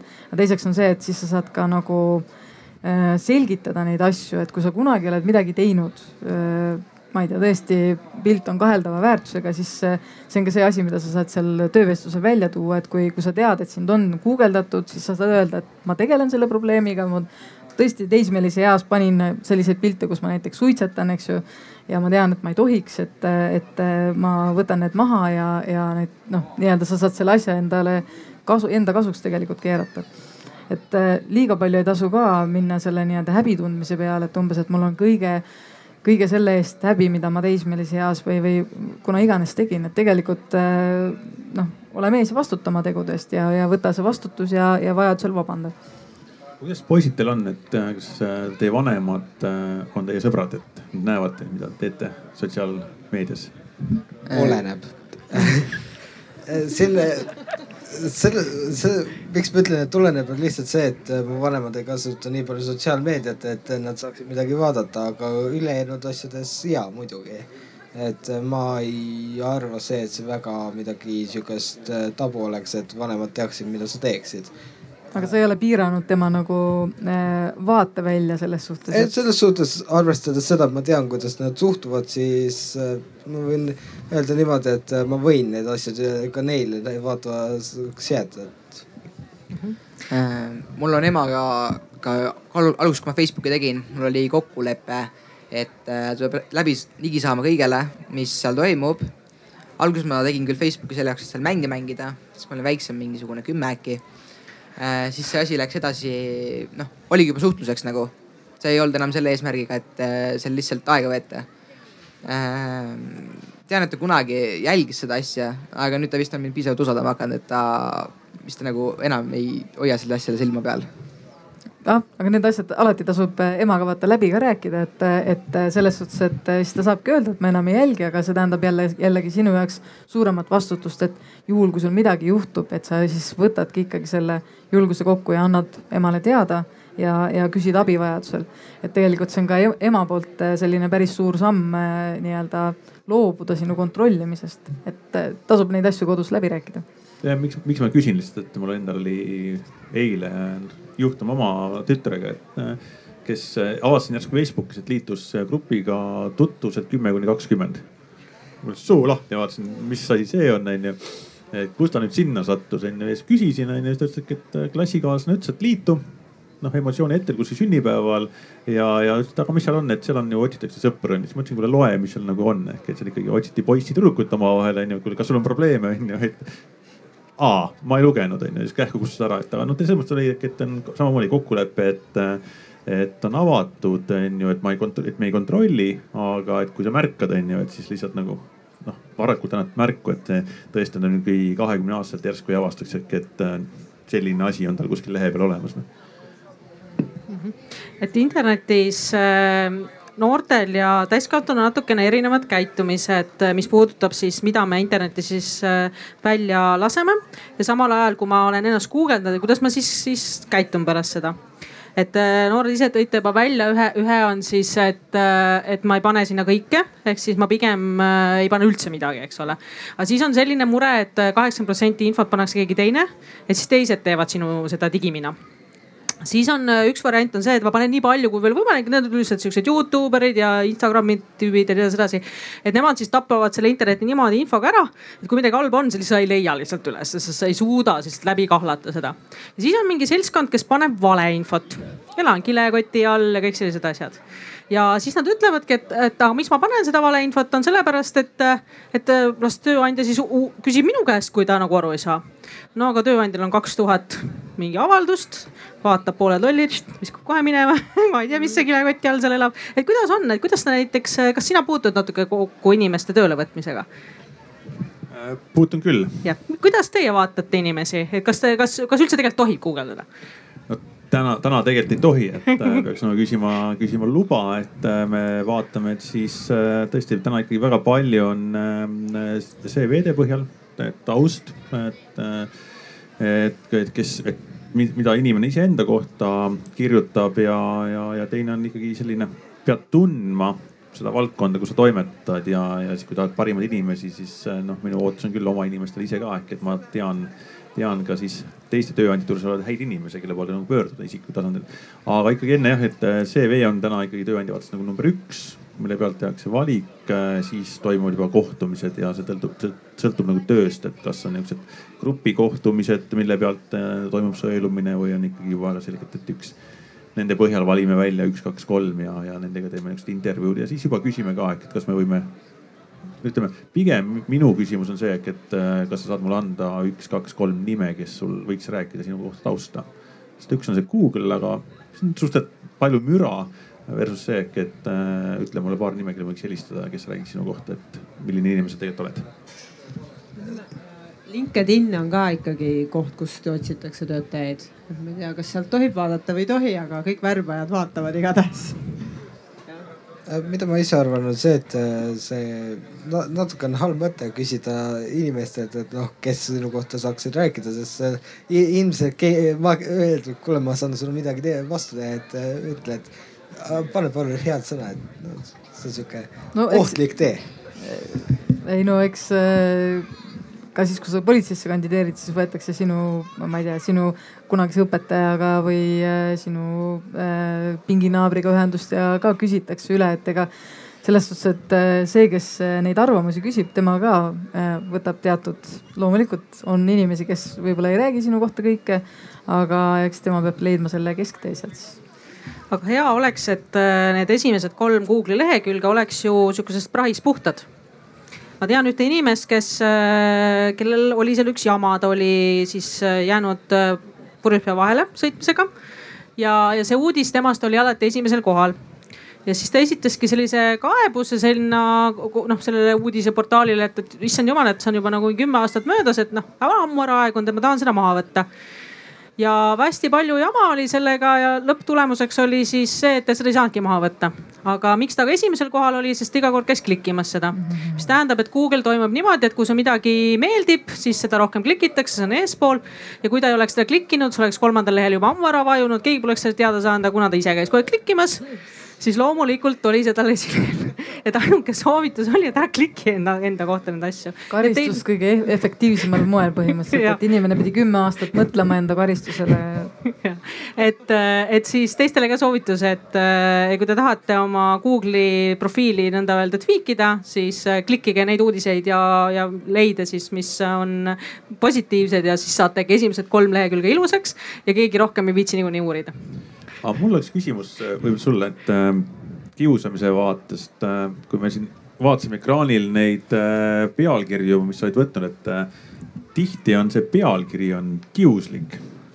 sest et me elame klikiajastul, sest et muidu ei ole. sisu on väga okei okay, artiklil.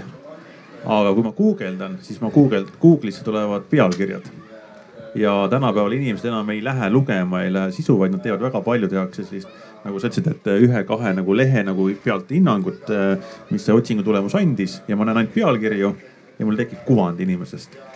aga tegelikult tihti ma olen ise lugenud niisuguseid, noh, ei taha enam lugeda, sest pealkiri on nii vastik, aga mõnikord loed, siis sisu on hästi tasakaalustatud, väga, väga adekvaatne, aga kliki saamise eesmärgil on pandud pealkiri selline ehk et hoia keeledega jah, see on pigem selline eetika küsimus, et mul on ka väga kurb, et tegelikult minnaksegi ka erinevate teemadega, ükskõik räägitakse, ma ei tea ja ei olegi skandaali kuskil veel olla, aga, aga pealkiri on skandaalne, et, et, et, et siin nagu politsei kahjuks ei saa midagi, ei saa ka sekkuda, sest küsimus on ikkagi selles, et kas me eeti, eetilises mõttes nagu ajakirjanik käitub õigesti või mitte aga jah, äh, kõik need igasugused, äh, ma ei tea, liiklusuudised ka, et keegi ei klikka nendel äh, uudistel, kui ei ole nagu verd ja mäda ja laipu mainitud, et selles suhtes, et muidu noh, et oli mingi avarii, kolm autot, noh.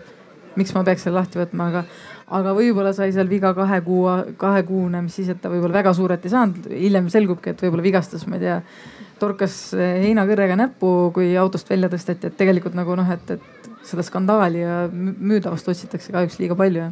aga seesama asi toimub ka teadusmaailmas. minu kõige rohkem loetud artikkel minu, minu, minu kirjutajatest on siis äh, parimad proolid on jumal, seks ja porno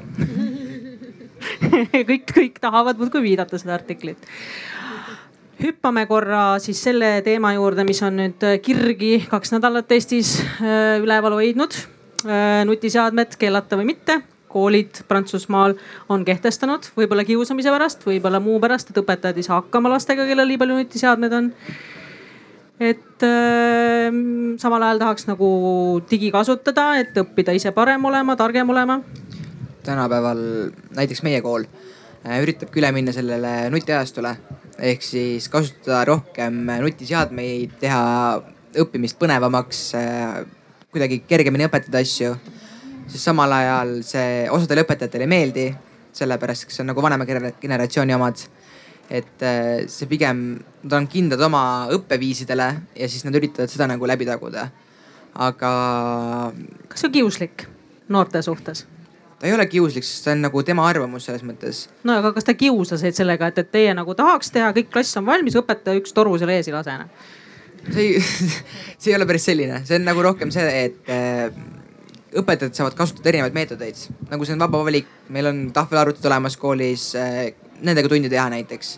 õpetajad saavad ise neid võtta, teha vastavalt sellele, kuidas neil vajadus on äh,. aga nagu üleüldiselt nagu vahetundides ärakeelamine mm. -hmm. Äh, see võib-olla aitab õppida, näiteks kui sul on äh,, too näiteks ajaloo näiteks sul ongi mingid faktid, mida sul on vaja teada, sa õpikust on raske leida, sa panedki endale kasvõi kuskile paned ette endale, saad sealt kohe lugeda näiteks äh,. slaidishow'd, mida iganes, siis nende põhjal on näiteks lihtsam õppida äh,. vahetundides okei okay,, sa mängid, võib-olla osad mängivad, tunde ajal ka osad mängivad äh,. selle poole pealt see on nagu halb, aga kui nagu kasutada nagu seda nutimaailma õppimiseks, siis ta tegelikkuses on väga lai ja nagu ta ei tüüta sind ära, sul on nii palju erinevaid äh, valikuvõimalusi mida ma ise olen näinud, on see, et isegi kõige tegelikult vanamoelisemad õpetajad, noh niimoodi on ilmselt aus öelda, on äh, juba tegelikult läinud selle peale, et nad hakkavad vaikselt alla andma ja ütlevad, okei okay,, me laseme selle digiajastul nagu rohkem üle võtta, et.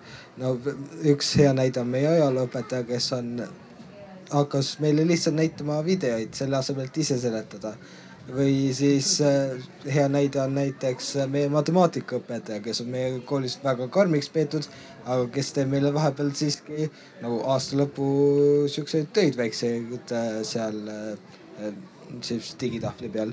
et siuksed huvitavaid asju muidugi kõik teevad, et sa ei saa öelda seda, et need õpetajad ei teeks seda.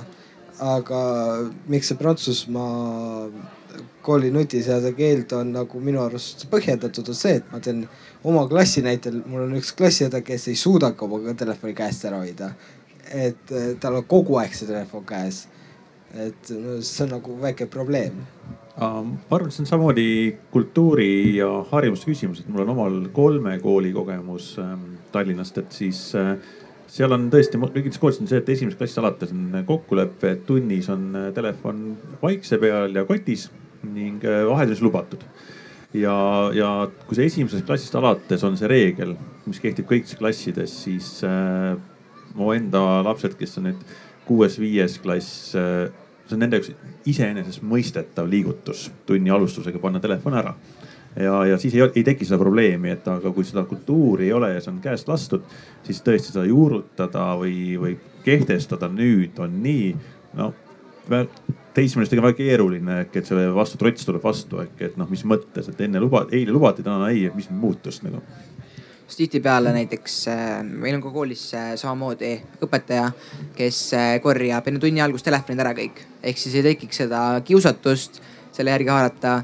aga noh, see läheb ikka nii, nagu see läheb. see vahepeal toimib, vahepeal mitte, see oleneb siis sellest, kas, mis on tunni teema. sest ma tean näiteks osasid tunde, kus on rohkem telefonis, kus on natuke leebem õpetaja, kes ei viitsi enam sõdida nendega, kes telefonis istuvad äh,. siis on neid õpetajaid, kes võtavad väga rangelt seda, et kui telefon on, siis äh, oi-oi-oi, onju äh,. aga samas on ka neid, kes on nagu, võtavad enda tuju pealt. Kui tal on hea tuju, siis ta laseb sul istuda seal. vahet pole, kas see on hea teema või mitte ja siis teised on, teisel päeval ta jälle on niimoodi, et äh, ta annab sulle kohe märkuse näiteks. no. Need on hästi erinevaid. saaks vist onju.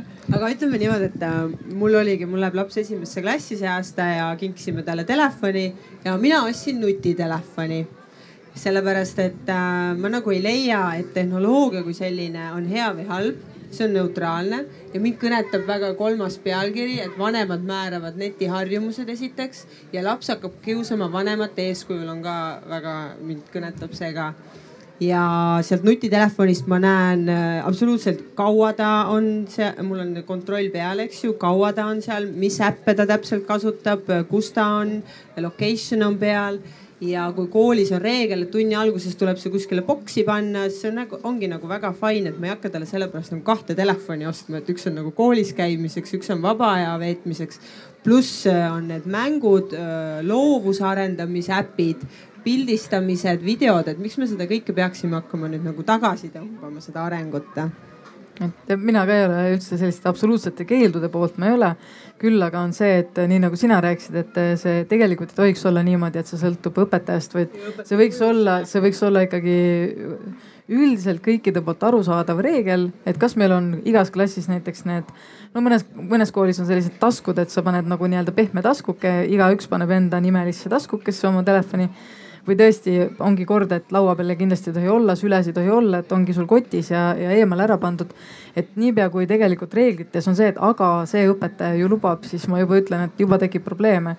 ja, ja mulle meeldivad ka täiesti need äh, lahendused, mis on, äh, ma ei tea, Tallinnas mõnedes koolides on need, kus tõmmatakse teibiga, eks ju, sul on nii-öelda ruuduala, et siia ruutu sisse astudes sa võid oma telefoni taskust välja võtta, kontrollid Insta, Snapchati ja kõik muud asjad ära paned taskusse ja lähed sealt äh, ruudust välja. et see ei ole tehtud selliseks mingiks äh, mugavaks vedelemisalaks, kus sa oled terve vahetunni, ehk siis sa ei puhka silmi äh,. aju ei puhka, sellepärast et sa töötled seda informatsiooni, mida sa sealt telefonist ja oma sotsiaalmeediast saad nii et noh, see ongi kiire kontroll, siis sa võid minna edasi istuma, õppima, silmi puhkama. sest keegi on ka kuskil öelnud, et et selleks, et sa põhimõtteliselt, äh, kui ma praegu vaatan telefoni, siis mul läheb peaaegu et viisteist minutit, kaksteist kuni viisteist minutit läheb selleks, et minu aju lõpetaks selle info töötlemise, mida ma just praegu lugesin. ehk siis, kui te mõtlete selle peale, et ma nüüd enne tunni algust kiirelt veel vaatan mingit asja, siis esimesed kümme minutit raudselt tunnist on läinud minu jaoks sellepärast, et mu aju tegeleb mingi muu tegevusega Telias, ma saan aru, on äh, meil mitu maja, mis on täiesti uuesti ära disainitud. ma saan aru, et teil on siuksed helistamise boksid tehtud, et see ongi see ala, kus helistada tohib jah. et te olete juba saanud ära, et meie miljooni noored tulevad tööle, nad ei saa töötada normaalselt, neil on pandud boks ja ülejäänud ruumid on siis ühised ja kõik vaatavad, oi sina siin küll ei räägi. Ei, ei, nii nii ei ole, et et saab ikka telefoni igal pool kasutada ja nutiseadmed, et pigem need boksid on tõesti olemas, aga et, et kui on soov tõesti privaatsemat ähm, vestlust pidada, et ja mitte teisi segada, ehk et siis sa lähed helikindlasse ruumi ja sealt saad nagu rahulikult rääkida, et äh, tihti on ju äh,, on, on teemasid, perekonnateemasid, mida sa ei taha, ehk et kõrvaline äh, kõrv kuuleks, on ju, ja see kuskilt edasi levima läheks, et siis on loodud selline võimalus või see ei häiri ka teisi selles suhtes, et saadki pikemalt rääkida, et äh, vajadusel. mina olen alati uhke olnud Eesti üle sellepärast, et äh, me ei ole läinud selliste keeldude ja, ja alade peale tegelikult. sest et äh, mina eeldan, et me õpetame esimesest klassist peale noort inimest ühiskonnaliikmeks ja omavastutust ja kui tema vastutus on äh, seda rikkuda ja väikse sõltuvõtta sattuda, siis see on parem, kui ta teeb seda kooli ajal, sest et siis saame selle kergemini jaole. kui see, et, et ta saab kaheksateist, nagu on võib-olla mõnel äh, suure lombi taga suuremal maal kus äh, noored, kui nad lähevad kodust ära ülikooli õppima, joovad ennast täis ja, ja teevad kõiki muud trikke, mida nad oleks võinud teinud viieteist, kuueteist aastasena. et mul on nagu just hea meel see, et, et me ei reguleeri oma kooli nii palju, aga need reeglid on olemas, sest meie otsustusprotsessid on teistmoodi. et äh, kas, äh, kas Eesti peaks ikkagi kuskilt pidi nagu võtma kooli, koolidena otsused või, või kuidas? Koolidelt ei peaks seda otsustusõigust ära võtma, et ma arvan, et peab lähtuma sellest, et milline kool on ja, ja, ja kuidas äh, kool ise selle kokkuleppe sõlmib, et äh, kui me ühiselt hakkame mingi üle-eestiliselt seda asja reguleerima, siis ma noh, meil on ju mammutkoolid, mis on hiigelsuured, siis meil on mingid väiksed maakoolid, kus kehtivad hoopis teistsugused reeglid, et, et äh, pigem case by case, et äh, iga kool lihtsalt peab äh, teadvustama endale, et me, et nad peavad võtma vastu otsuse, kuidas äh, nende koolis selle nutiasjandusega siis on. aga näiteks kool ise on väga nutimeelne ja nüüd on äh, vanemad, kes on otsustanud, et aga neile ei meeldi, neid vanemaid on võib-olla viis protsenti, nad teevad nii palju põrgulärmi. et sisuliselt kool on sunnitud põlvili ja nad peavad ära hakkama asju keelama, see ei ole ju ka normaalne. äkki sa tahad vanemana kommenteerida? ei taha mina olen nutiseadmete poolt ja, ja mina, ma ei näe üldse nagu probleemi selles see on nagu, ma toon näite, mul üks sõber ütles ka, et see on nagu mere ääres jalutamine, noh, et sa võid ära uppuda seal, eks ju, või sa võid seda merd nautida, et sama nutiseadmetega, kui koolis ikkagi kasutatakse ja õpetatakse ja me liigume aina rohkem tehnoloogia ja IoT poole, siis äh, mida varem ja teadlikumalt me seda teeme, seda parem. igatpidi mina tean vähemalt Tallinna kolme kooli, kes on saanud äh, palve lapsevanematelt tagada nende õpilasele wifi vaba ruum õppimiseks täismahus. aga ma arvan, see üks põhjus, et, et ei ju ei tea neid juhtumeid, aga toon paralleeli lihtsalt, et see haakub vist sellega, et vanemad määravad netiharjumuse. et kui vanem tunnetab, et see on probleem, aga ta ise ei suuda, siis see läheb sellesse, sellesse kategooriasse, et minu ootus on see, et kool on see, kes tegelikult minu last kasvatab, mitte mina kui lapsevanem. et nii kui tihti näeme laste noorem laps läks lasteaeda, kus on hästi palju mähkmetega ja kasvatajad ütlesid ehk, et eh, lapsevanemad toovadki, lapsed ütlevad ehk, et aga lasteaed on see, kus harjutakse ära mähkmed miks ma kodus pean vaeva nägema. et see on ka võib-olla tõesti selline mugavustsoon ja siis see ootus on ehk, et ma panin oma lapse kooli ehk, et eh, kool on see, kus laps saab sellest harjumusest lahti. ja siis ma hakkan seda nõudma koolilt ehk, et keelake ära, keelake ära, selle asemel, et ise olla nagu eeskujuks ja, ja no, oma reeglid, siis ma toetan ka pigem seda, et et igal koolil peab olema nägu. inimesed trots on reeglina keeldude vastu ja, ja nihukeste piirangute vastu tekib trots. aga kool on siiski nihuke kommuun, midagi nagu lähemat eh, ja, ja seal toimuvad kokkulepped, need on aktsepteeritavamad ja igal koolil peab olema ikkagi selgelt oma identiteet, vastasel korral me hakkame seda kõike ära lõhkuma lihtsalt. Kui palju ja mis vanuses noored peaksid saama kaasa rohkem rääkida sellistes asjades, sest et mul on tunne, et, et otsustatakse ära metoodika, kuidas õpetatakse, keelatakse asjad ära ja nagu istu seal onju ähm,. kui on samamoodi see keelamise koha pealt äh,, väiksed lapsed, kes nagu tulevad näiteks esimesse klassi ma arvan, neil ei ole nii palju seda telefonis istumise seda nagu, et nad suhtlevadki võib-olla kaaslastega ja lasteaias nagu nii, nii palju telefonis ei istu. see asi, see kaasarääkimise isu, ma arvan isegi tulebki, ma arvan, sihukesest vanusest, kus hakkab see puberteet jõudma, ehk siis mingisugune kaksteist, kolmteist, midagi sellist. kus äh, sul ongi ilmselgelt kõik sõbrad on telefonis silmast silma rääkimist ei ole. ehk siis äh, väikestel lastel, noh väiksematel siis ütleme nii äh,, see probleem ma arvan, neil nii suur ei ole, kui on äh, vanematel. Hm, ja ometigi minu meelest koolides on ära keelatud just üks kuni kuus klass. millegipärast, ma ei tea. Äh, mida ma ise arvan, on just see, et äh, no keelata ei oleks nagu üldse vajalik, kui nad näevad seda, et see probleem on, sa saad alati selle telefoni tunni ajal ära võtta, õpetajatel on see õigus olemas aga senikaua, kuni nagu ta ei sega teisi, ta, kui ta nagu siis ütleme niimoodi, et kontrolltööd, asjad on tal nagu hästi tehtud, siis äh, no ma arvan, et mõni õpetaja võib isegi lasta sellel asjal niimoodi minna, et no kui ta tõesti midagi kellelegi halba ei tee, siis las ta olla. Ja... et kui õpilane tunnis magab ja ei tee kellelegi halba, kontrolltöö on hästi tehtud, on aktsepteeritav? selge.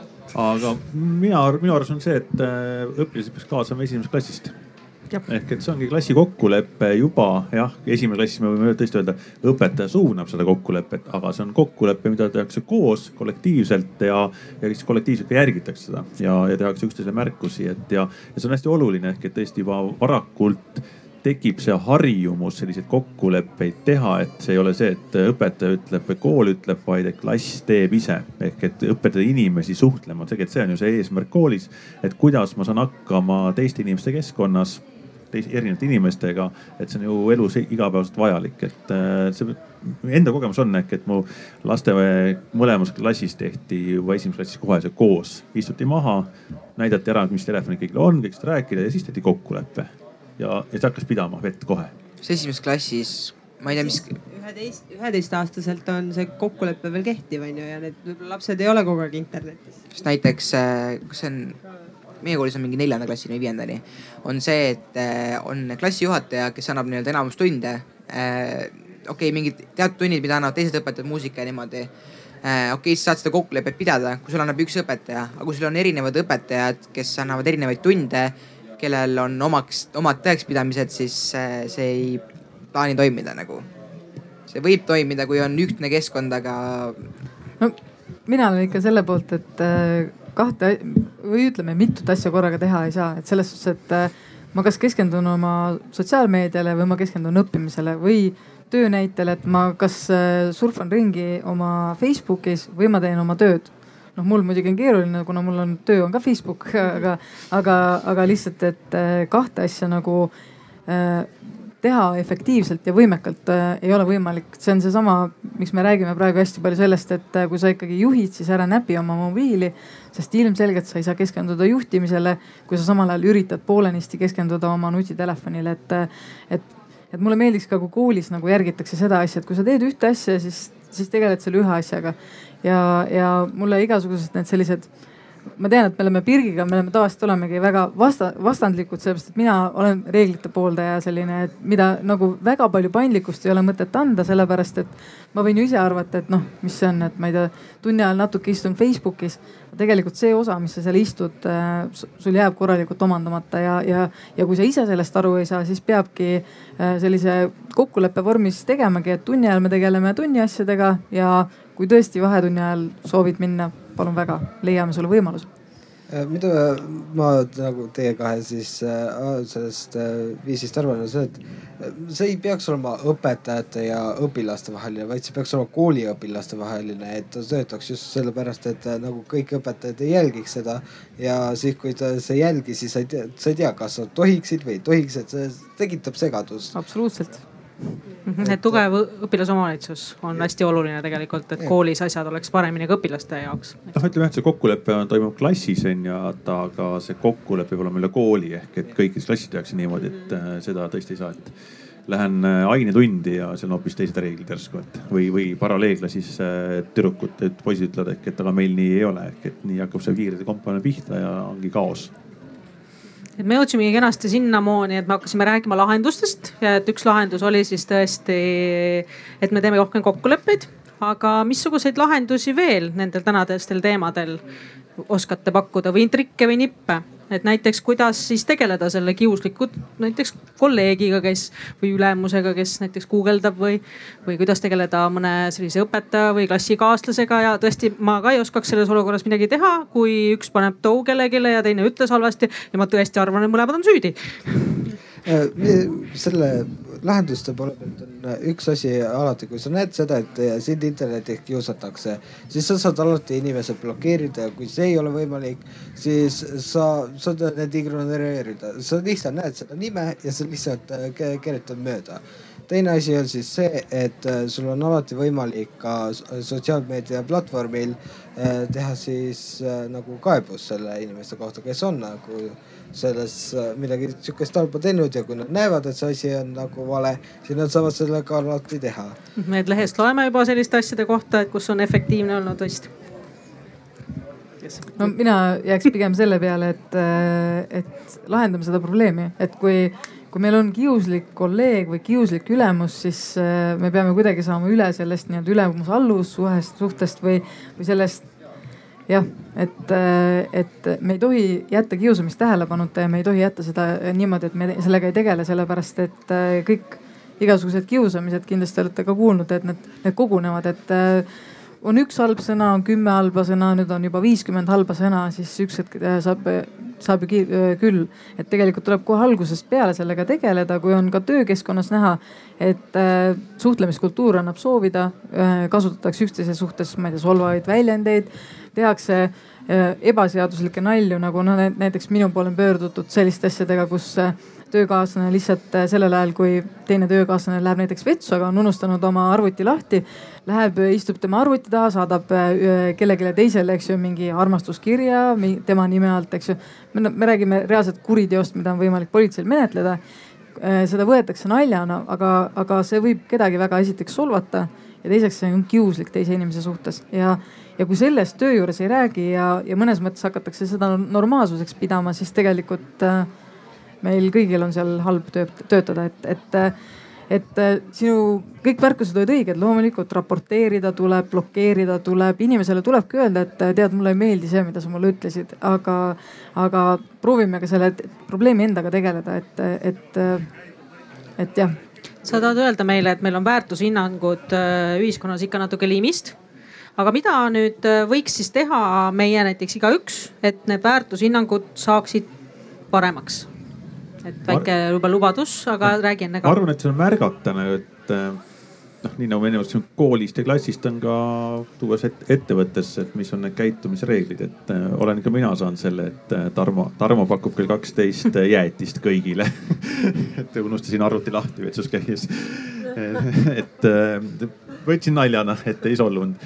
et äh, ja, ja, ja, ja see on need kokkulepped, et kuidas me käitume ja mis on okei okay ja, ja mis ei ole ja kuidas siis, äh, kui, kui märkad midagi on, et siis ka sellest nagu teada anda ja julgelt teada anda, et sa nagu ei kardaks aga noh, see on pidev, pidev teavitamine, rääkimine, sest ehk et ka nii nagu koolis ka on tööd firmades, et töötajad lähevad, töötajad tulevad, et see on kogu aeg, et mis on see kultuur, et seda, see ei ole iseenesestmõistetav tegelikult. nagu te ennem rääkisite, siis äh, nende piltide kohta, et äh, see filter, kas sulle endale meeldib see pilt nii-öelda, kas see läheb üles või mitte, samamoodi on selle tegevusega ka. kui sa enne selle tegemist analüüsiksid äh,, kas see tegu on õige või mitte, kas see sulle endale meeldiks äh,. okei okay,, ta võib olla naljakas, aga noh kui sulle see endale ei meeldi, siis ilmselgelt sellele teisele inimesele ei oleks ka hea teha kui see filter nagu kõigil inimestel töötaks, siis ma arvan, see asi väheneks no mis selle tööle paneks, et äh, see oleks mulle väga hea kohe selline, kui sa oskaksid öelda lahendus, et sest äh, tegelikult, kui ma küsin nendelt näiteks ka kiusajatelt, eks ju, et noh, et, et äh, sa ju teadsid, et noh, et see, see pilt teist solvab niimoodi, et noh, et, et miks, miks sa siis ei pidurdanud ennast? see on tavaliselt see emotsiooni see nagu, kui sa mõtled, et oh, see on jumala naljakas, siis pärast mõtled kolmkümmend minutit hiljem no,, ei olnud hea mõte. Et noh see on, kuidas ma ütlen. Lähme tagasi see... vanarahva tarkuse juurde. tee teisele seda, mis sa tahad, et sulle tehakse. või mõtle üheksa korda ja lõika üks kord. just, et see, tegelikult et... need vanarahva tarkused ja laused äh, jõuavad kohale ja, ja mõjuvad päris hästi, nii et äh, võib-olla lähme, lähme juurte juurde.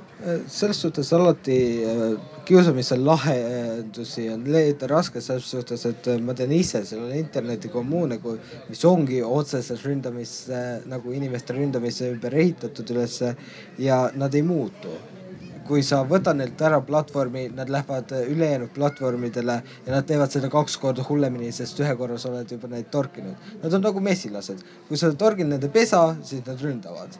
Ja just see ongi see, et sa ei saa leida seal otsest lahendust, kuigi sa võid äh, taunida seda ja öelda, et see ei ole eetiline või niimoodi, siis nemad sellest aru ei saa, kuna tegu on äh, siiski äh, nagu veebiga. inimesed kaotavad ära sellist asja nagu tunde, et teie vastas on sul inimene ja nad saavad teha ükskõik kui ebamoraalseid asju seal ja see on nagu just sellega ongi probleem, et kui sul on inimesed, kes kaotavad ära täieliku moraali, kuna nad arvavad, et nad räägivad ainult arvutiga, mitte teiste inimestega. ja siis on see, et kui sina neid ründad, siis nad lähevad veel ägedamaks, siis kohati ongi see, et äh, senikaua kuni nende inimeste mõtteviis ei muutu, siis sa ei saagi midagi teha, et äh, aga kas me peaks äkki pakkuma neile sellist äh, turvalist kohta, kus nad saavadki sõimata, jaurata, üksteisele viiruseid saata, et kui sa lähed sinna kanalile, no siis sa põhimõtteliselt arvestad sellega. et samamoodi ju tegelikult on ju teatud sportmängud, et inimesed saaksid oma viha ja kõik füüsilisi asju ja relvi ja kõiki asju kasutada ja see on legaalne ja, ja nad ei peagi kuskil mujal neid asju tegema selle pärast. selles suhtes nad enamus ajal hoiavad selle asja enda kommuunides sees, aga see on just see, kui keegi hakkab kuidagi torkima, et siis mm -hmm. nad lähevad veel eriti ägedaks.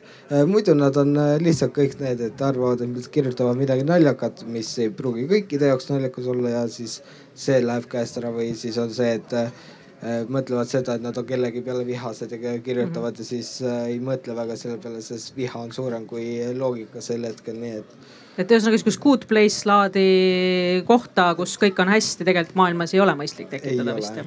lisaksin siia juurde selle, et äh, kui sihuke koht isegi oleks olemas, kus nad saaks selle viha ja kõik välja valada, onju, siis see ei ole nagu seal pole pealtvaatajaid. seal, seal pole pealtvaatajaid, ütleme nii, kui ta üksteisele ütlete mõlemad halvasti, siis see asi areneb edasi, et nagu kumb nüüd paremini ütleb ja siis äh, halvemini ütleb. ja kui nad seal harjuvad selle asjaga nagu ära ja kui nad sealt keskkonnast lõpuks välja saavad, siis see asi võib hullemini hoopis mõjuda, kui Sel, alguses oli. sellega on nüüd teine asi see, et tänapäeva sotsiaalmeedia pakub neil väga palju lihtsaid saake mis on nagu see, et äh, mille tõttu sa ei saa just vältida seda, et nad äh, ise ülejäänud sotsiaalmeediasse tagasi lähe. sest just lihtsad saagid on need ju, mida sa kätte saad. Nad, sa tead, et nad errituvad veel eriti samamoodi ja sa saad selle kõige paremad reaktsioonid neist välja, aga sa ei saa reaktsiooni välja inimestelt, kes mõtlevad täpselt samamoodi nagu sina. või sa... mis veel teeb inimese kuulikindlaks? ei tea. oskus tulla toime. nali et kui sa ei võta asja tõsiselt, kui sa natukene naerad ja, ja lased endast mööda ja ei reageeri iga asja peale, siis su elu läheb paremaks ja võib-olla ka ei kiusata siis enam nii palju ka, sest et see läheb mööda sinust. aga üks mõte on ka, et see Youtube erid, et kui sa lähed sinna ja hakkad äh, torkima. noh, üks on see, et kui ma sinna lähen, kas, kuidas ma tunnen, kas ma seal peal olema Äh, inimes-, inimesena mul tekib alati siis äh, kiusatus või ütleme selles mõttes nagu soov, kui ma näen seda keelekasutust, mida seal tehakse, kuidas, et, äh, et ma tahan teda muuta mm.. ma tahan teda tagasisidet anda. no mis tekitab selle mesilase pesa nagu efekti on ju, et ta leidis nagu siis sihtmärgi minus kohe. ja, ja ma arvan, see on koht, kui me enne rääkisime, et see internet on anonüümne, et kui ma niimoodi siin laua taga üksteisele midagi ütleksime, siis kohe märkaksime, saaksime kohe ära klattida, et siis tõesti minna kedagi, inimest muutma interneti kaudu anonüümses keskkonnas on noh, noh ei ole võimalik lihtsalt või see on ääretult keeruline Äär,? tõesti ääretult nagu keeruline koht, et noh, tihti see võib sealt tekkidagi ehk et ma tunnetan, ma tahan midagi teha aga see kanal ja see viis ei ole tegelikult see, kus sa tegelikult oleks, on võimalik teha, see on hästi-hästi keeruline, eriti kui sul ei ole isegi noh, oskusi ka veel. et mõnes mõttes, mõnes mõttes mulle natuke meeldivad ka, äh, et on tegelikult äh, gruppe, kes püüavad selle vastu võidelda sellega, et nad teevad nagu nii-öelda nagu ma ei tea, no, no mis meil on, et äh, olid rassistlikud lehed, kus siis no ma ei tea, tehtigi väga musta selles suhtes, et nagu huumorit, mis on sobimatu nahavärvi ja su, äh, siin usu ja kõige selle suhtes. aga et siis äh, tegi grupp äh, nii-öelda, tegi nagu vastugrupi põhimõtteliselt ja nad püüdsid neid ar arvamusi nagu ka nagu nende üle nalja heita ja niimoodi. et tegelikult see on mõnes mõttes on huvitav, aga samas see, see, ma ei tea, ega see lõplikku lahendust tegelikult ei paku ikkagi, et lõpuks on ikkagi see, et nemad ikkagi ajavad ju enda joru edasi, et ega mina neid ei suuda muuta enda selle ütlemisega, et mul on selline tunne. et äh, internet on samasugune loomaaed nagu oli kaks tundi tagasi. on ta ka praegu. Meie maailma ära ei lahendanud. aga teil oli kindlasti lõõgastav siin istuda ja olla. nii et täname meie toredat paneeli ja täname teid ka. aitäh.